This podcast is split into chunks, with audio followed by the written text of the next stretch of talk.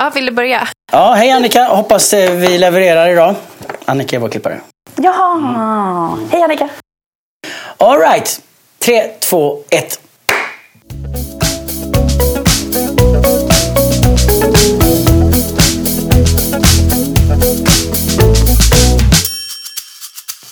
Hej och välkommen till Skolprat, en podd om skola, undervisning och lärande. Jag heter Niklas Åkerblom och vid min sida den alltid lika strålande Karin Rådberg. Man vet aldrig vad som händer där mitt i stan.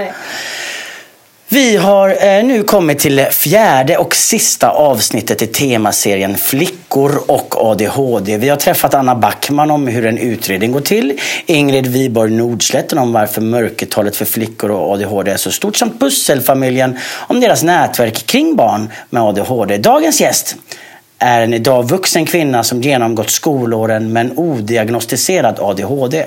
Hon fick sin diagnos för bara ett år sedan. Dagens gäst jobbar som ledarskapscoach på Mindful Business och är här för att dela med sig av sin resa.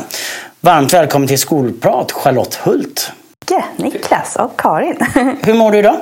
Jag känner mig lite nervös, tror jag. Det är första gången jag är med i en podd. Men jag känner mig ändå laddad. Det känns som ett viktigt prat. Du märker ju redan nu att jag inte pratar ifrån manus. för jag märker att det måste få vara levande. Så jag, det är en jätteutmaning för mig och hur jag ska göra. För jag skriver så mycket bättre än vad jag pratar ibland. Och jag vill att det ska vara levande. Så att, eh, det är bra att det är snurrstolar så man kan röra på sig lite grann samtidigt. Det är jag väldigt glad för. Eller hur? Ja. Eh, Och, och manus blir bara tillrättalagt utan eh, det är samtalet vi vill åt.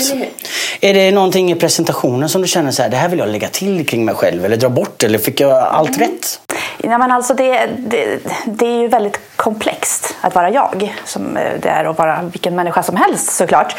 Men vad jag skulle vilja lägga till det är väl kanske dels ett förtydligande i diagnosen. Jag fick då min ADD-diagnos, alltså utan H1 som i hyperaktivitet. Som en del av mina vänner tycker, att det är klart som fasen att du också har H1 i ADHD. Eh, det är lite beroende på vem som eh, möter den och när. Så att eh, ADD fick jag för ungefär ett år sedan och sen så fick jag också glädjen att göra en sån här begåvningsprofil, så det vad det nu heter. En sån här, kolla intelligensen. Och det är ju så många olika delar i det. Och där fick jag mycket svar på mina frågor i och med att jag har en väldigt ojämn begåvningsprofil. Det vill säga jag har en, ett extremt högt PFI, eller vad heter det? Perceptionellt funktionsindex, alltså på 134. Alltså om, man, om det skulle vara jämnt för hela min intelligens då skulle jag ju vara Einstein, men det är jag inte.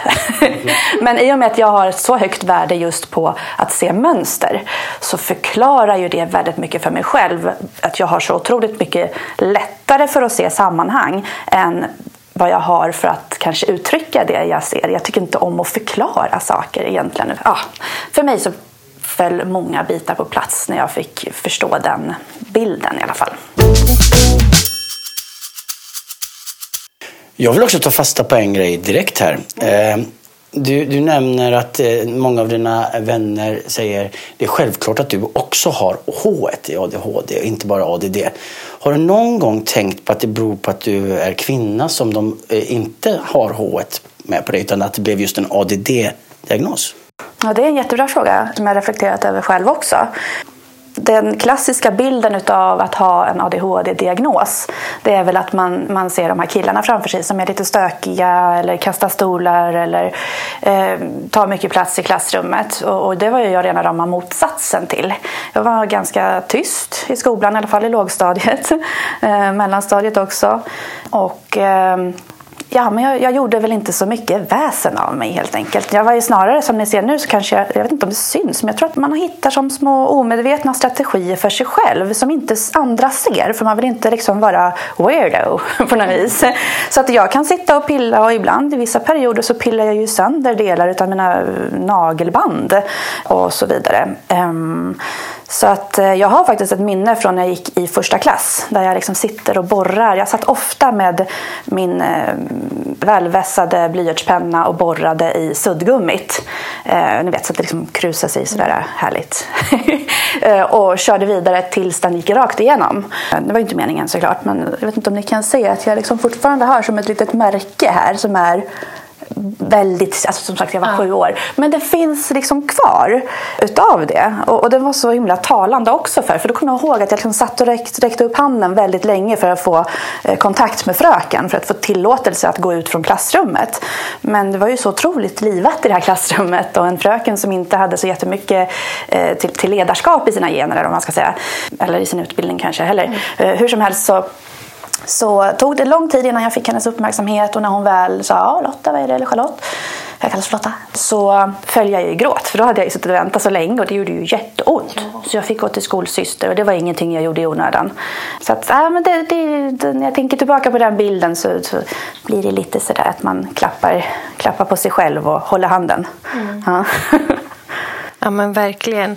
Eh, under våren så har ju podden handlat mycket om MPF och vi har som Niklas sa tidigare träffat olika personer och fått olika typer av inspel. Ja men MPF, temat flickor och ADHD. Och idag så vill vi fokusera på din resa Charlotte, eller Lotta. Ja, ni kan säga Lotta. Nej, men det blir lite mer ordentligt med Charlotte, så ta Lotta, det blir bra. Men vi börjar prata lite nutid. Vad jobbar du med idag? Mm. Så en vanlig person hade ju kunnat lätt svara på det, vad man jobbar med, eh, rakt av. Eh, för min egen del så skulle jag först och främst vilja dela upp det i två delar.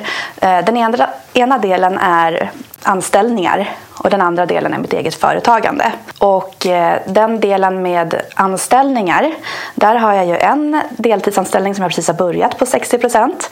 Eh, som liksom ska fungera, jag tror att det här kommer bli jättebra, ska fungera som min ram för veckan. Där jag liksom har en, en tid, en plats och liksom en uppgift att förhålla mig till. Så kan jag bygga mina rutiner på det. För det är när, det, när jag inte har haft det som det blir svårt för mig. Eh, så att eh, där har jag då ett eh, jobb som receptionist på en förmögenhetsbank och det andra fantastiskt roliga jobbet att jobba med Ellen Bergström som faktiskt är kontakten mellan oss här också. Då jag får vara, liksom, jobba sida vid sida med henne och göra, vara hennes bollplank. Jag får göra allt från att hjälpa till att vika och klippa mathemsklänningar till eh, att eh, ja, gå och hämta på dagis eller vara coachande stöd om det är det som behövs. Så det är så här, okej, okay, jag vet att jag ska vara med Ellen idag, fan vad roligt. Vad är viktigast idag? Och så bara fokuserar vi på det och det är så jäkla kul. Så att det är inspiration och eh, kreativitet så det sprudlar om det. Och så tänker vi ju väldigt lika också så det är ju skönt att det vi förstår varandra. Ja, så det var den ena delen. Och det är så bra att jag har sagt så här, för det har jag lärt mig på en av alla mina ledarskapsutbildningar, att man kan dela upp saker. För då är det lättare att komma tillbaka när man tappar tråden. så att, eh, den andra delen är då mitt egna företag. Och det har ju legat vilande faktiskt, eh, ända sedan corona. Eh, Eh, men nu är ambitionen att ta upp det igen. Och där vill jag leverera mina ledarskapsutbildningar. Jag är certifierad NLP-trainer, vilket jag är superstolt över. Eh, och jätteglad för att jag hittade till eh, NLP som metod. Så här har jag liksom, i mitt företag så vill jag liksom skapa. Jag har liksom 20% över då för skapande. Och där är det ledarskapsutbildningar, jag kan komma ut på skolor eller företag och föreläsa. Där jag då liksom bygger på min egna story med alla dessa verktyg som jag har plockat på mig under resans gång i form av ledarskapsutbildningar. Sen så har jag ju en massa, massa projekt och idéer om böcker men det måste få ligga längre fram. Så att ibland så är det så här, bara det att jag skulle sitta och skriva svaren på det och tänk, tänka igenom inför det här avsnittet eh, så fick jag ju ner så mycket text att jag tänkte att ja men vad bra, nu har jag i alla fall material till min första bok. För det är så roligt för då gör jag det när någon annan ber om det men om jag säger så här till mig själv att nu ska jag sätta mig ner och skriva min bok då gör jag det inte. Men om någon gör så här att det är till någon annan då är det så himla mycket lättare. Så att, eh, tack för det! Ja, men, varsågod, jag ser fram emot när boken sen kommer. Men det är intressant att du säger att du behöver ha den här ramen, eh, stödstrukturen i vardagen. Liksom, att ha några fasta rutiner och hänga upp allt det andra på. För då gissar jag också att du har testat att vara lite mer ramlös och det har inte varit en succé i ditt liv. Det stämmer. Mm. Det var faktiskt så som det började med att jag faktiskt fick diagnos. Och vart ska jag börja då någonstans? Det här är också så här att jag, att jag ser allt på en gång och vet inte vart jag ska börja någonstans. Och då tappar jag lätt tråden.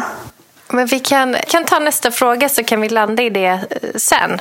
Nej, men jag tänker också det här med ramarna. Jag fastnade också på det där. Och, och eh, vi är ju en, en podd som riktar sig mot, mot människor som i regel jobbar i skola. Och hur viktigt det är för oss som jobbar i skola att förstå att den här ramen du pratar om i ditt vuxna liv det är något vi vuxna måste stå för barnen i skolan. Mm. Så eh, att skapa en struktur pratar man ofta om. Det är viktigt. Ja, men det behöver vara en inrutad bra ram kring barnen som ska fungera som något form av stödnätverk, stödstruktur. Och vi pratar varje dag, varje lektion, varje uppgift för de här barnen. Mm. Det är viktigt att ta med sig det. För det är många barn och ungdomar med ADHD de är oförmögna att klara av det här själva. Eh, och vi pratar ofta om att dela upp uppgifter och sånt där. Men det finns så många saker man kan börja med. Den... Ja, men den är viktig. Och jag tänker också så jag älskar semester, men jag tycker det är jättejobbigt att inte ha ett schema på semestern. Nu har inte jag någon diagnos, men barn inom MPF kommer tillbaka och det är asjobbigt att sätta igång. Det blir supertufft för våra elever vi alla behöver rutiner, men speciellt om man har en NPF-problematik, liksom, då, då är det superviktigt. Så. Vi pratade ju om ramarna och om att du har testat att inte ha ramar i ditt liv. Och det var där jag hamnade i en depression ja, i samband med corona. Ah, För jag hade ju byggt upp, precis som jag har gjort nu, som sagt. Mm. Fast då var det istället den 60-procentiga. Så fick jag jobba som ansvarig pedagog i det som kallades för Guldrummet, det vill säga det space där mellanstadieelever eh, på den här privata skolan på Lidingö ehm, fick komma för att få studiero. Och jag älskade att jobba där. Mm. Det var helt fantastiskt. Jag fick ju använda alla dessa ledarskapsverktyg eh, eh, som jag hade lärt mig. För, och ofta så handlar det ju bara om att skapa space och bara hjälpa personen i fråga att komma ur en låsning. Hjälpa personen ur en begränsande övertygelse om att jag kan inte matte för att de har fått höra det hela sitt liv. Eller vad det nu än må vara. Och så jag blir helt varm och ryser över hela kroppen bara när jag tänker tillbaka på det. För det var så häftigt och det var det är otroligt. Det var mycket magi som skedde i det där rummet mellan mig och eleverna. Så att, eh, ja det, precis, det var ett sidospår. Så det var 60 procenten som jag där också då även fick jobba med högstadiet och, och hålla lektioner din motivation inom ramen för motivationslyftet som det då kallades. Men det var ju egentligen same same verktyg som jag jobbar med inom NLP. Mm. Eh, 20-procentaren okay. 20-procentaren var i alla fall på en annan skola i Sollentuna. Eh, och där fick jag banbrytande uppdraget att vara mindfulnesslärare. Så jag fick hålla lektioner i mindfulness. Det var helt fantastiskt. Och det var ju någonting helt nytt. Och all cred till Katarina Thornberg som är rektor på den skolan som, som tog in det här. Hur som helst, eh, så det fick jag göra där och eh, även hålla ledarskapsutbildningar för lärarna. Det var helt fantastiskt. Det var helt fantastiskt. Jag skulle gärna göra det om och om, och om igen. Men det här löpte över ett år. Eh, och det var ju inget, ingen anställning utan det var ju ett, som ett uppdrag som vi hade skapat efter vad är jag bra på, vad behöver ni? Eh, så att när det sen då väl löpte ut, då skulle jag ha något jobb. Och jag hade, självklart så hade ju liksom resultaten från det här, för mycket, det var ju mest positivt, så, så var det ju otroligt mycket uppdrag som jag hade på gång och jag hade ju möten med massa inom skolans värld och samarbete med andra som brinner för de här eleverna och så vidare. Då... Oh nej, jag säger ingenting nu för då kommer jag tappa tråden ännu mer. Jag kommer snart hitta det. Den är han borta någonstans. um, oh, jag har den här tappat tråden. Okej. Okay. Efter att det projektet tog, tog slut? Ja, precis. Tack. Då kom corona. Så att eh, jag blev utan jobb, tvingades lägga mitt företag som precis var på väg att flyga och äntligen liksom kunna vara självförsörjande i det. Eh, fick jag lägga det på vänt, på vila, för annars skulle jag inte få något, någon a-kassa. Och det var ju jättedeppigt, plus att jag helt plötsligt inte alls hade någon ram. Så att eh, det var ju en grej att få vara den här ramen för eleverna. Det klarade jag av utmärkt, för då var det fokus på det. Och det gjorde jag jäkligt bra. Men att sedan vara den ramen för mig själv och bara för mig och inte för någon annan. Ingen annan tid, plats eller ingen annan som förväntar sig någonting av mig. Det var så svårt. Jag var väldigt självkritisk mot mig själv, vilket eh, såklart påverkar både självkänsla och självförtroende och allt sånt här som jag hade hjälpt eleverna att bygga upp. Och det gick så långt så att eh, jag insåg att nej, men när, jag, när jag fick liksom meltdowns varje dag klarade inte. Jag har dessutom två döttrar att ta hand om och ensamstående eller varannan vecka. Då. Så det var mycket och eh, det var då jag insåg, det var liksom starten. Att få en, eh, alltså jag gick ju till, till någon psykolog där då. och när jag hade berättat mina symptom och sånt så sa hon så här, tittade djupt i mina ögon och bara Alltså om jag säger att du är deprimerad, blir du förvånad då? Och jag bara, tårarna bara forsade. Jag jag, jag så liten. Åh, vad liten jag var då. Så det var liksom startskottet på min NPF-utredning också. Då. Ja, för det, I samband med det så, så lyftes frågan om... Ja. Precis, ja, för det, ofta så är det ju så, apropå just det här med flickor och ADHD, att det behöver gå så jäkla långt att man bränner ut sig, man går in i väggen eller du får någon sjukdom. Eh, det fick jag ju långt innan i och för sig, så det hade man ju kunnat se som ett varningstecken.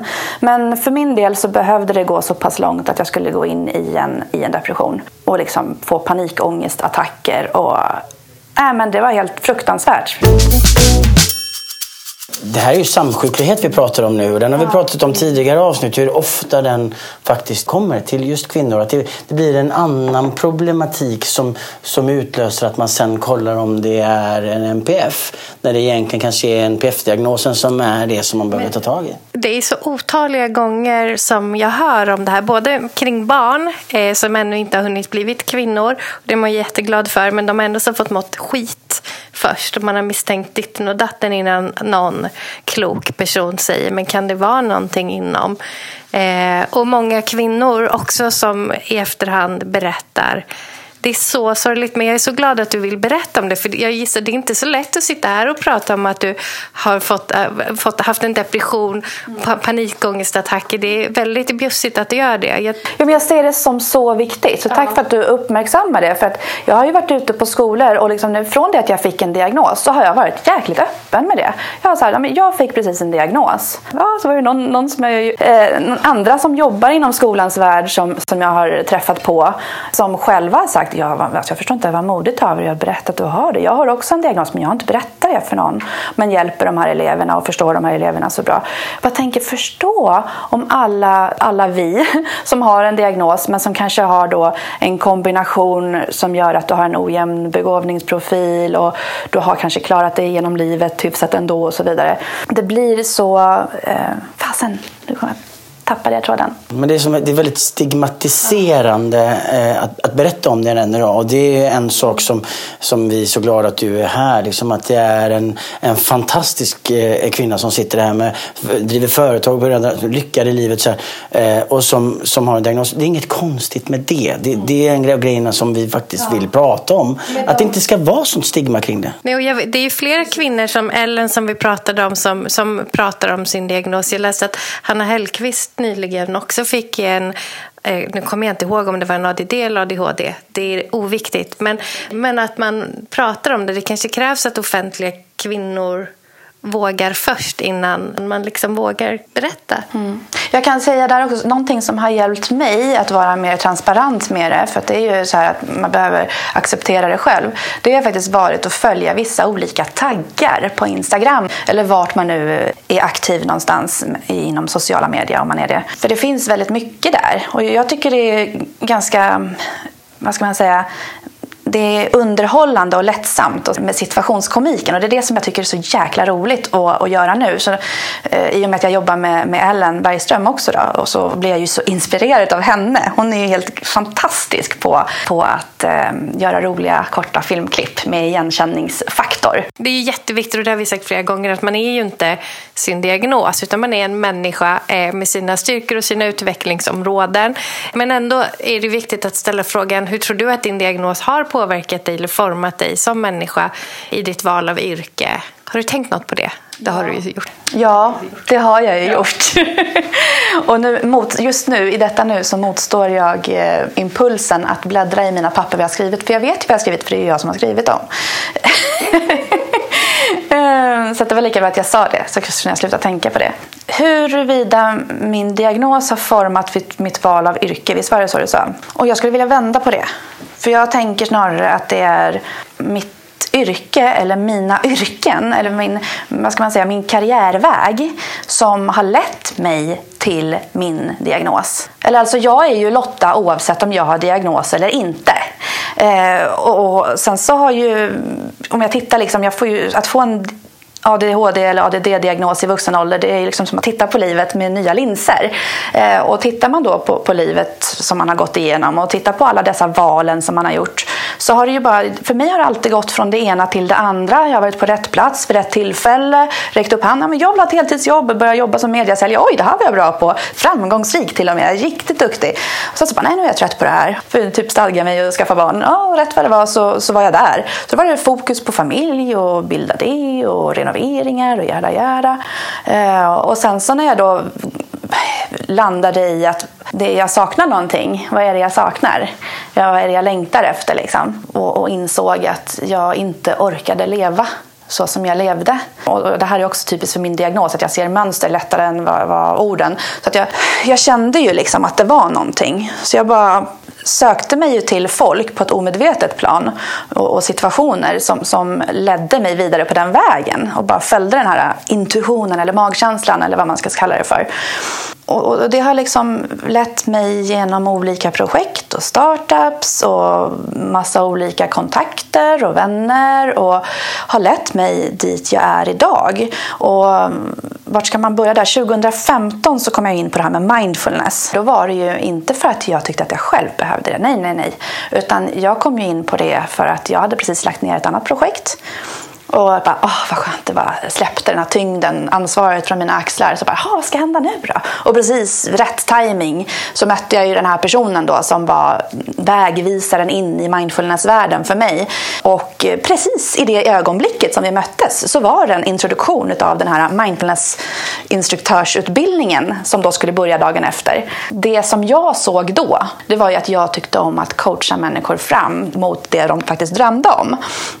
Och på så vis gick jag mindfulnesskursen och utbildningen. Bara det att vad, det, vad som hände i mig när jag gick den utbildningen, det var ju att jag gick från att leva i mitt huvud till att leva i min kropp. Och då kom ju allt det här äh, i kappen. Äh, den här stressrelaterade autoimmuna inflammationssjukdomen som jag hade fått tre år tidigare och fortfarande inte accepterat. Jag började liksom förstå kroppens signaler och lyssna på dem istället för att snabbt trycka undan dem för att komma på någonting jättesmart eller kreativt eller roligt som man ska fokusera på istället. Så mindfulness tvingade dig att stanna upp och vara lite mer med dig själv? Kan, du, kan man säga så? Ja, eller jag fick liksom den här eh, kropp och sinne är ett system. Ja, så är det. Men ibland så kan den ena gå springa före den andra och så kan man liksom tappa kontakten med det andra. Men, men det finns ju där under ytan ändå. Så att, eh, det gjorde väl att jag, att jag fick kontakten tillbaka. Och, och det var väldigt värdefullt för mig. Det slår mig när jag sitter och lyssnar på dig, vilket är så intressant, mm. att eh, förmodligen når vi fler eh, vuxna lyssnare även utanför skolan just med det här avsnittet som faktiskt kan känna igen sig tror jag mycket i det du beskriver och kanske faller vissa bitar på plats även för dem. Om vi nu tar programmet lite mer till skolan, din skolgång. Ja. Och vi har i tidigare avsnitt pratat om den duktiga flickan som håller ihop det i skolan men som kraschar när man kommer hem. Mm. Känner du igen dig någonting i den bilden? Ja, alltså jag var väl i och för sig aldrig så jättemotiverad till att vara duktig sådär i skolan. Ehm, jag hade ganska lätt för mycket men svårigheter med koncentrationen. Så jag, tror att jag, jag, jag, minns ju när jag tänker tillbaka liksom på mellanstadiet när man skulle sitta och följa med i en text eller man skulle läsa att jag jag hade väldigt svårt med koncentrationen. Och jag tittade på alla andra, hur de liksom verk, det verkade som att de hängde med i texten och förstod vad det var de läste. Och, bara, och så kände jag mig så dålig för att jag själv inte gjorde det. Jag kände mig helt dum i huvudet och då blev det som en press på mig själv. Ehm, så det tog många år för mig att liksom kunna läsa med glädje. Det tog jättelång tid för mig. Det gör jag ju idag. Men det var först nästan i framåt vuxen ålder faktiskt. Nej, men så att, som svaret för att komma tillbaka till eh, vad du frågade. Blev det konflikter i hemmet efter skolgången ja, Exakt. Så det var ju väldigt mycket liksom som man fick hålla, mycket energi att hålla i skolan. För det var ju ingenting som jag utagerade i skolan. Den här frustrationen över att inte kunna hålla koncentrationen. Eller frustrationen över, över eh, ja, det ena och det andra som jag inte liksom uttryckte i form av känslor och tankar. Utan jag höll, höll tyst istället. Och det kan ju också vara en konsekvens av att man är väluppfostrad. Så man har fått belöning av att, att man är väluppfostrad och man eh, inte tar så mycket plats. och sånt. Eh, hur som helst, när jag sen kom hem, jag, jag hade ju väldigt mycket vredesutbrott. Som jag kommer ihåg det så var det, jag var hemsk. Jag tror mamma är väldigt bra på att försköna saker och ting. Så hon säger så här, nej det var inte så farligt. Men jag minns ju hur jag svor och kallade henne fula saker. Och pappa och jag vi bråkade. Eh, mamma hon, hon märkte ju ganska snart att jag spelade inte så stor roll liksom, vad, vad hon sa om hon satte gränser för jag gjorde ju som jag ville i alla fall. Så, så ja, då fick det väl vara så. Medan pappa, han, eh, han gav sig väl inte så vi kom ju i clinch väldigt mycket. Och han hade lite grann inställningen, eller jag har rätt, du har fel. Och, och det har jag väldigt svårt för. Jag tänker inte att det är så, utan jag tänker att bli, att det är mer komplext än så. Vi har olika perspektiv på saker och ting. Eh, och så vidare.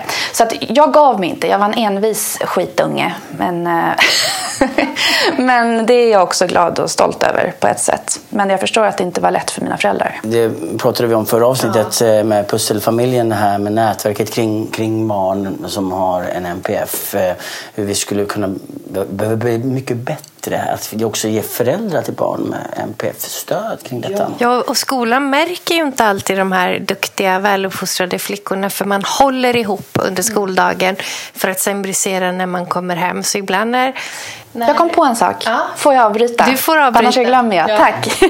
Nej, men just det här hur det kan visa sig. Jag kommer ihåg att redan i lågstadiet så hade jag mycket tics.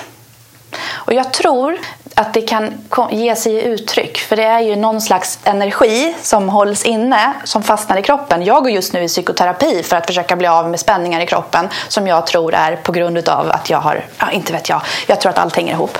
Alltså trauman, eh, ADHD-diagnos, eh, autoimmuna sjukdomar. Jag tror allting hänger ihop. Sen om det börjar här eller där eller där, I don't know, men det är sammankopplat, helt klart det är liksom samma strategi. Mm. Alltså för hur immun... För nu börjar jag tappa spåret. Har jag svarat på någon fråga? Ja, men jag tror ändå så att vi har uppfattat att du var lugnare i skolan men att det var tufft hemma. För det var ju det som frågan var.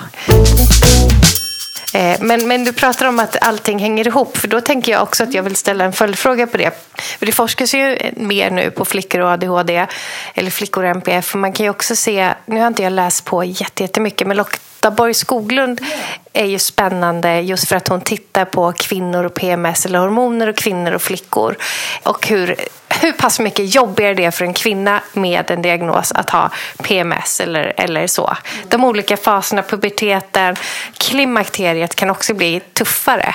Har du märkt det? Du är bara dig själv så du har ingenting att jämföra med såklart. Men hade du en tuff liksom, hormonell tonår? Ja, ja. ja då sa jag direkt mig i den här orangea Marvin-tröjan i eh, vad var det, backen i Trysil och jag skulle lära mig snowboard. Vad arg jag var jag blev tokig. För det ska ju gå, jag vill ju lära, alltså det, jag vill ju ha belöningen av att åka snowboard. Det vill säga att det är roligt att jag kan.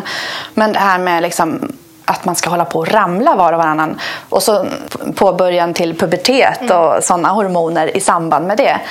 Det var ingen lek. Alltså det, var, det var inte kul. Det var inte kul att leva då. Nej, men det, men det är en spännande forskning. Jag tänker, den får vi ju följa och se. Det är så himla intressant också i och med att vi eh, eh som sagt då riktar oss mot skola kan inte du beskriva framförallt några lyckade exempel från din skolgång när du har träffat på lärare eller annan personal som har sett den där Lotta som behövde bli sedd i skolan. Har du några sådana bra exempel? Eh, det dyker upp en bild av att jag sitter och spelar bongotrumma på musiklektionen för det var jag tydligen bra på att hålla takten. Men eh, jag önskar att jag kunde ha ett sånt här fint exempel när jag säger den läraren. Alltså, Pebbe han var ju fantastisk eh, pedagog sådär, och snäll och rolig i högstadiet. Men jag hade ju behövt en mattelärare. Men jag hade ingen mattelärare. Hon var sjukskriven. Så då var det ju den som fanns där som fick hoppa in.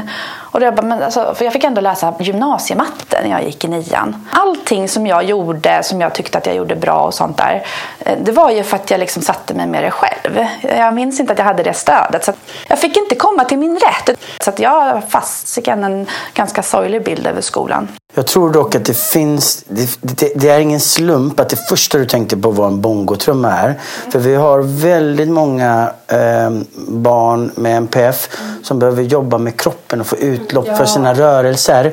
Och du, du pratar om att hålla takten. Givetvis underlättar om man är bra på att spela trummor. Men jag tror det handlar också mycket om att få använda kroppen och, istället för, för alla tankar en liten stund. Så jag tror ju de praktiska estetiska. Ja, och där hade vi ju Ingegärd också förstås i, i mellanstadiet på Enebyskolan. hon var ju fantastisk med att man fick gestalta, man fick göra teater. Eh, så där kommer jag ihåg att jag både fick spela drottningen och narren, vilket var ganska talande så här i efterhand. Man går ju liksom in i olika roller beroende på vem man behöver vara i olika sammanhang. Så att, eh, tack Ingegärd att jag fick träna på det.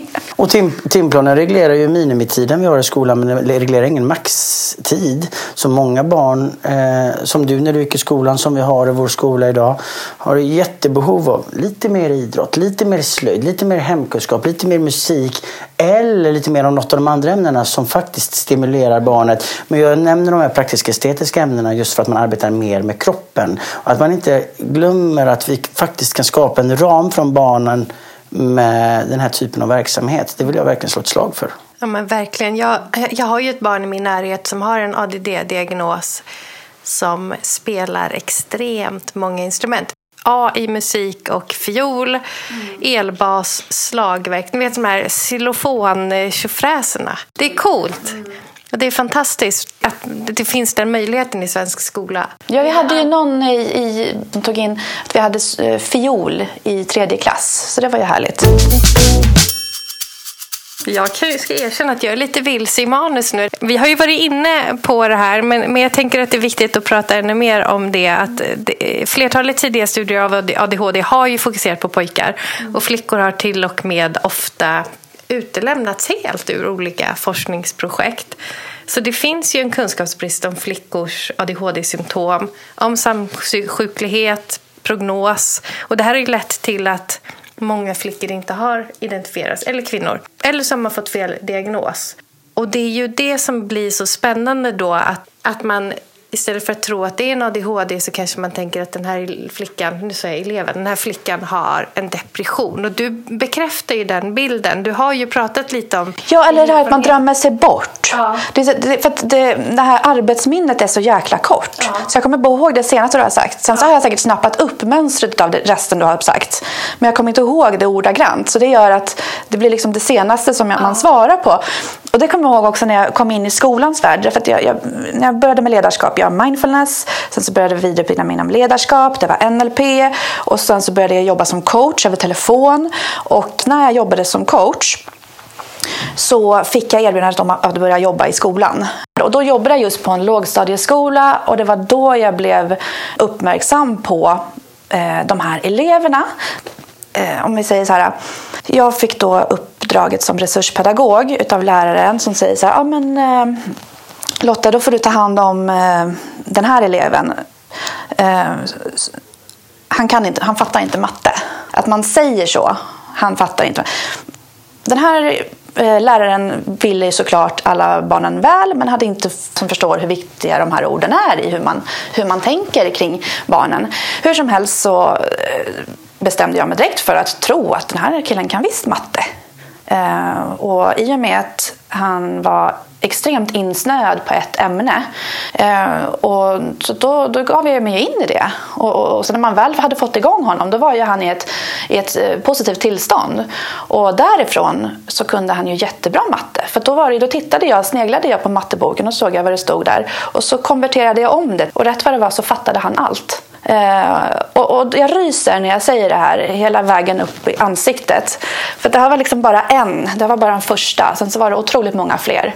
Den där drömmaren som bara satt och antecknade hela tiden. Och du vet, eh, jag blev, jag blev på riktigt ledsen i själen av att höra hur man pratade om de här eleverna som jag såg andra väldigt fina kvaliteter i.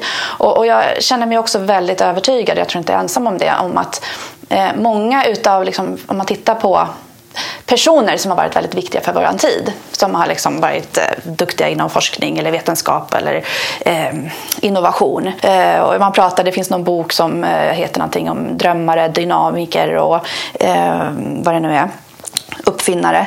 Det är ju, du behöver inte bara ha en NPF-diagnos för att ha den profilen men de flesta som har den profilen har även en NPF-diagnos.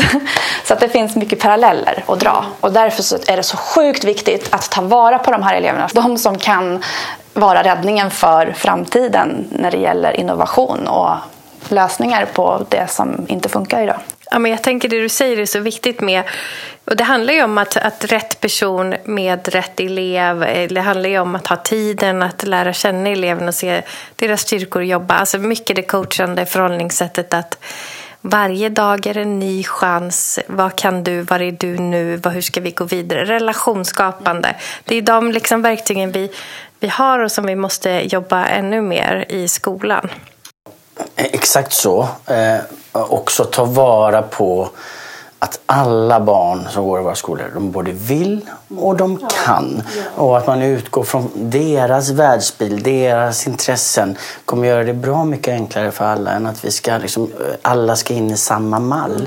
Eh, så jag gillade verkligen exemplet du tog med den här pojken och, och, och matematiken. Eh, och, eh, det är något vi behöver bli bättre på i skolan tror jag. Ja, och sen vill jag också bara säga alltså, så att det inte låter så hårt. För i början kunde jag, kunde jag nog vara ganska hård i mitt sätt att se på det här.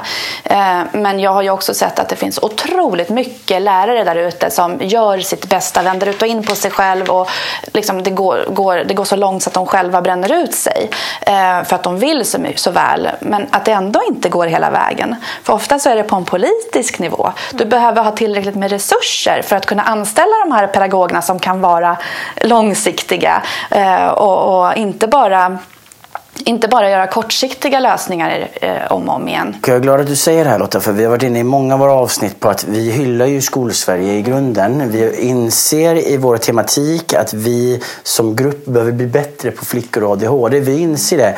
Men som du säger, otroligt många som jobbar i skolan kämpar dag ut och dag in men saknar ibland verktyg och resurser för att lyckas hela vägen. Men en stor eloge till jag säger oss alla som jobbar med skola.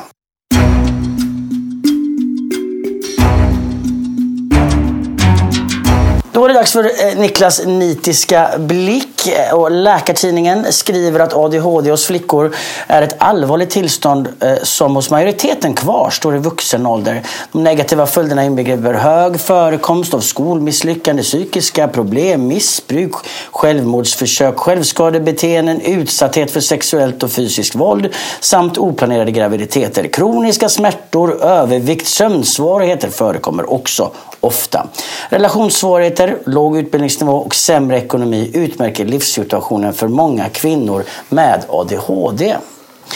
Symptombilden för flickor och kvinnor med ADHD inbegriper färre hyperaktiva och impulsiva symptom, fler uppmärksamhetsproblem, mer emotionella symptom och verbal aggressivitet. Fler flickor och kvinnor har diagnostiserats under senare år men flickors ADHD-symptom bedöms som mindre allvarliga än pojkars och en underdiagnostik eh, kvarstår.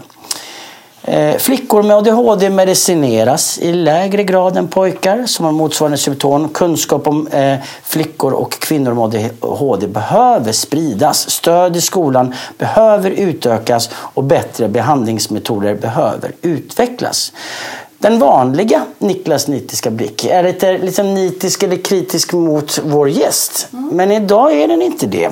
Utan denna gång ska vi gemensamt rikta vår nitiska blick mot samhället istället. Och därför frågar jag dig Lotta. Det är ju dags att vi forskar på flickor med MPF nu. Det är 2023 och det är, det är, vår utgångspunkt kan inte längre vara det maskulina.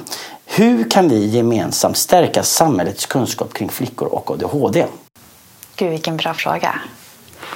Har jag tänkt ut någonting smart här? Eller? Um, jag skulle väl kanske vilja dela upp det i tre eller fyra punkter här. Då.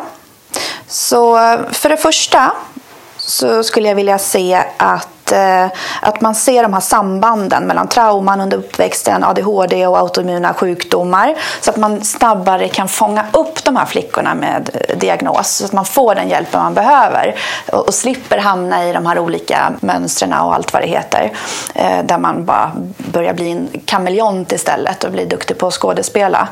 Ja, men, och, och med det också att istället för att det blir som silos där någon är bra på detta, någon är bra på detta, någon är bra på detta. Se till att samarbeta med varandra. Självklart inom skolan.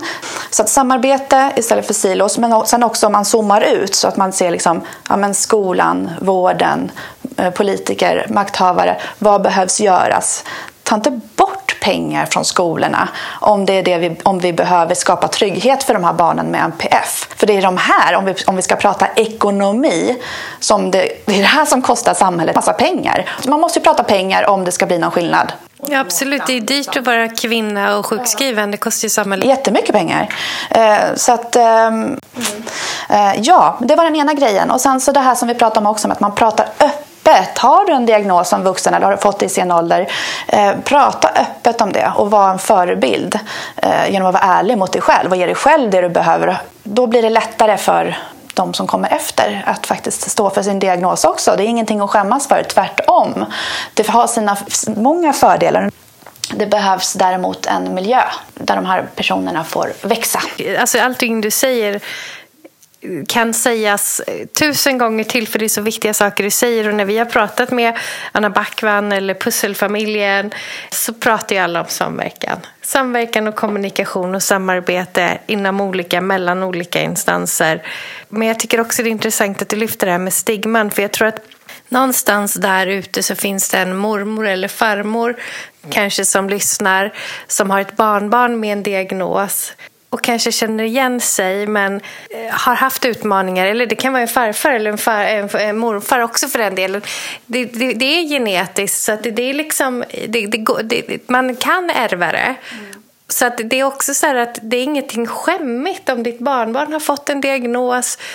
Utred dig själv. Liksom. Hur farligt kan det vara? Man är samma människa före och efter diagnosen. Verkligen. Och jag, jag känner att jag är mer Lotta nu alltså så här, att stå kvar i sig själv och inte hålla på och så här, spela någon annan som man har fått lära sig. Så att eh, nej, mer av mig själv. Sen så finns det säkert många av mina vänner och familj som tycker att jag är väldigt mycket min diagnos nu efter diagnosen. Och det förstår jag. Men det är också ganska naturligt tror jag att man vill så här, man, man testar lite grann. Okej, okay, herregud, här är jag, här är jag. Nu får jag vara jag utan att behöva skämmas eller gömma mig. Alltså det har varit så mycket energi i det här rummet, känner ni det? Ja. Underbart. Eh, Läkartidningen som, som Niklas tidigare har pratat om lyfter även att pojkar eh, medicineras i högre grad än flickor och kvinnor. Äter du medicin? Ja, det gör jag. Jag eh, ville faktiskt göra en NPF-utredning redan för några år sedan. Eh, men eh, blev avrådd, även fast att läkaren trodde att jag hade en diagnos. Därför att han frågade, men vad då vill du äta medicin? Då sa jag nej, då sa han, nej, men då, vad är då poängen med att du ska ha en diagnos? Det kostar pengar för samhället, jada, jada, jada. Och jag kan ju också förstå det, att om det är många på kö och jag, jag hade väl ändå ett fungerande liv i, alltså i relationellt sätt. Men det, det gick ju sakta men säkert mot en depression, så det var inte så himla fungerande. Det var inte hållbart. Det, hur som helst så insåg jag att jag ville ta emot hjälp. Jag var först skraj för mediciner och eh, har väldigt respekt för det där och vill inte vara beroende av någonting. Hur som helst så tog det ett tag innan jag hittade rätt med medicinering. Men jag tar emot medicin och jag, det tog ett tag. Så det var en lång jäkla resa. Många månader tog det att hitta rätt. Men jag känner ändå att jag har tillit där till vården, att det finns system som gör att man inte ska liksom ta mer än vad man ska göra. Och för mig är det väldigt viktigt att inte bli beroende. Så att jag har aldrig tagit mer än vad jag ska. Hur ofta är du på kontroller? Eh, det är lite olika. I början är det ju mer frekvent. Ehm, så att det känns ändå tryggt att man får, de, de håller koll på en. Vad är de största skillnaderna som du känner som omedicinerad kontra medicinerad? Vad, vad, vad, är det medicinen hjälper till med rent konkret? Mm. Jo, så här. Det här är en metafor. Jag gillar metaforer. För mig så upplever jag det som att jag är Hoover Dam. Alltså ni vet den här i Nevada, Las Vegas där. Som, alltså som en damm som håller en massa, massa vatten från att Förstår ni vad jag menar? Mm. Ja. Eh, och vatten och känslor är ju lite så symbolspråk som jag gillar också. Så jag känner att jag är som Hoverdam. Och att man, istället för att jag behöver hålla i allting, alltså om jag tänker att det här är tankar och känslor, så går det otroligt mycket energi för mig för att hålla allt det här. För jag kan inte bara släppa allt, utan jag måste hålla uppe den här äh, rustningen. Eh, och jag vill slippa behöva göra det. Så att det ADHD-medicinen gör, det är för att istället för att det blir överväldigande och jag kan inte göra någonting, så kan jag ta lite grann åt gången. Så här som jag liksom plockar ur. Och ju mer jag plockar ur, eh, desto mer balans blir det liksom och jämnas ut så att det blir... Uh, Alltså vilken bra beskrivning. Jag tänkte precis säga samma sak. Eh, lyssnarna ser ju inte Lotta med, med så här, men, men... Jag pratar med kroppen. Ja.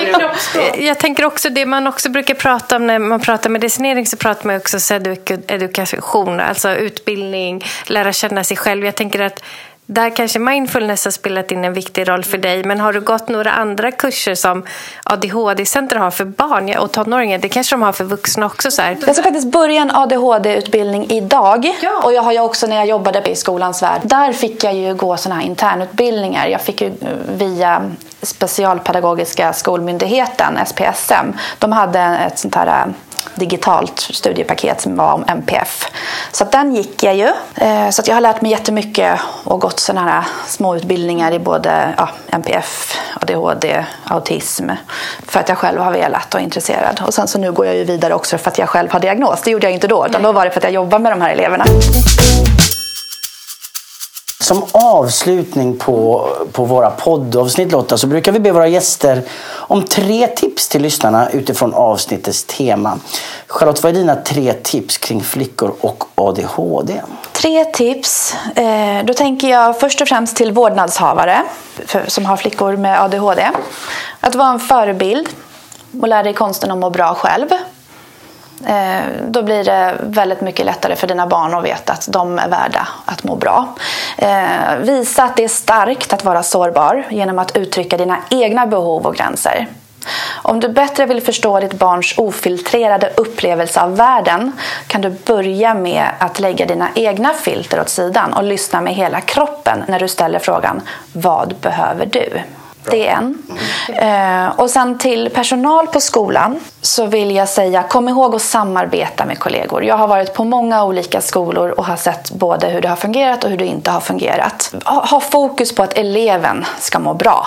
Och, och, för att eleven ska kunna må bra så behöver du samarbete. Då måste du lägga din egen prestige åt sidan om och ta in varandras olika perspektiv och varandras olika kunskap om området. För att det räcker inte med bara en sida eller en bild. Vi behöver ha helheten. Så att samarbeta och lyssna in elevens behov och sen inkludera eleven i samtalet. All, alla som vi har med, oavsett eh, liksom, var de kommer ifrån, har en sak gemensamt och det är lyssna på eleverna, lyssna på barnen. Det säger alla. Det, det, är verkligen så. Du har helt rätt i det, Lotta. Jag har ju faktiskt en till. Ja. Eh, och det är ju tipset till flickan, eh, flickor med ADHD. Och det är att lär dig dina styrkor och svagheter och fokusera på att utveckla dina styrkor. Det är lätt att lägga fokuset på vad man inte kan, men lägg fokuset på det som du är bra istället så att du blir riktigt bra på det och får de resultaten som du vill ha. Och sen så titta på det du, som är dina svagheter, så acceptera det du inte kan förändra och så tar du emot stöd så att det fungerar för dig. Tusen, tusen tack. Och jag tänker så här, jag vet att du har ett Instagramkonto som vi länkar till med det här avsnittet. Så vad, vad, vad, heter det? Jag har bytt namn nu till Lotta upp och ner, vilket jag tyckte var väldigt roligt. Eh, dessutom så håller jag ju på med akroyogan. Då är ju ganska mycket upp och ner. Plus att livet går upp och ner. Och jag försöker vara så transparent som möjligt och dela med mig av både högt och lågt. Stort tack Lotta eh, och lycka till med, med allt. Tack för att jag fick komma. Tack för idag. Och det där, kära lyssnare, det var terminens och läsårets sista skolprat. Eh, nu går vi på sommarlov. Men vi är tillbaka igen till hösten, för såklart så finns det massor med fler gäster, teman, ämnen eh, som vi vill prata om och lära oss mer om. Glad sommar!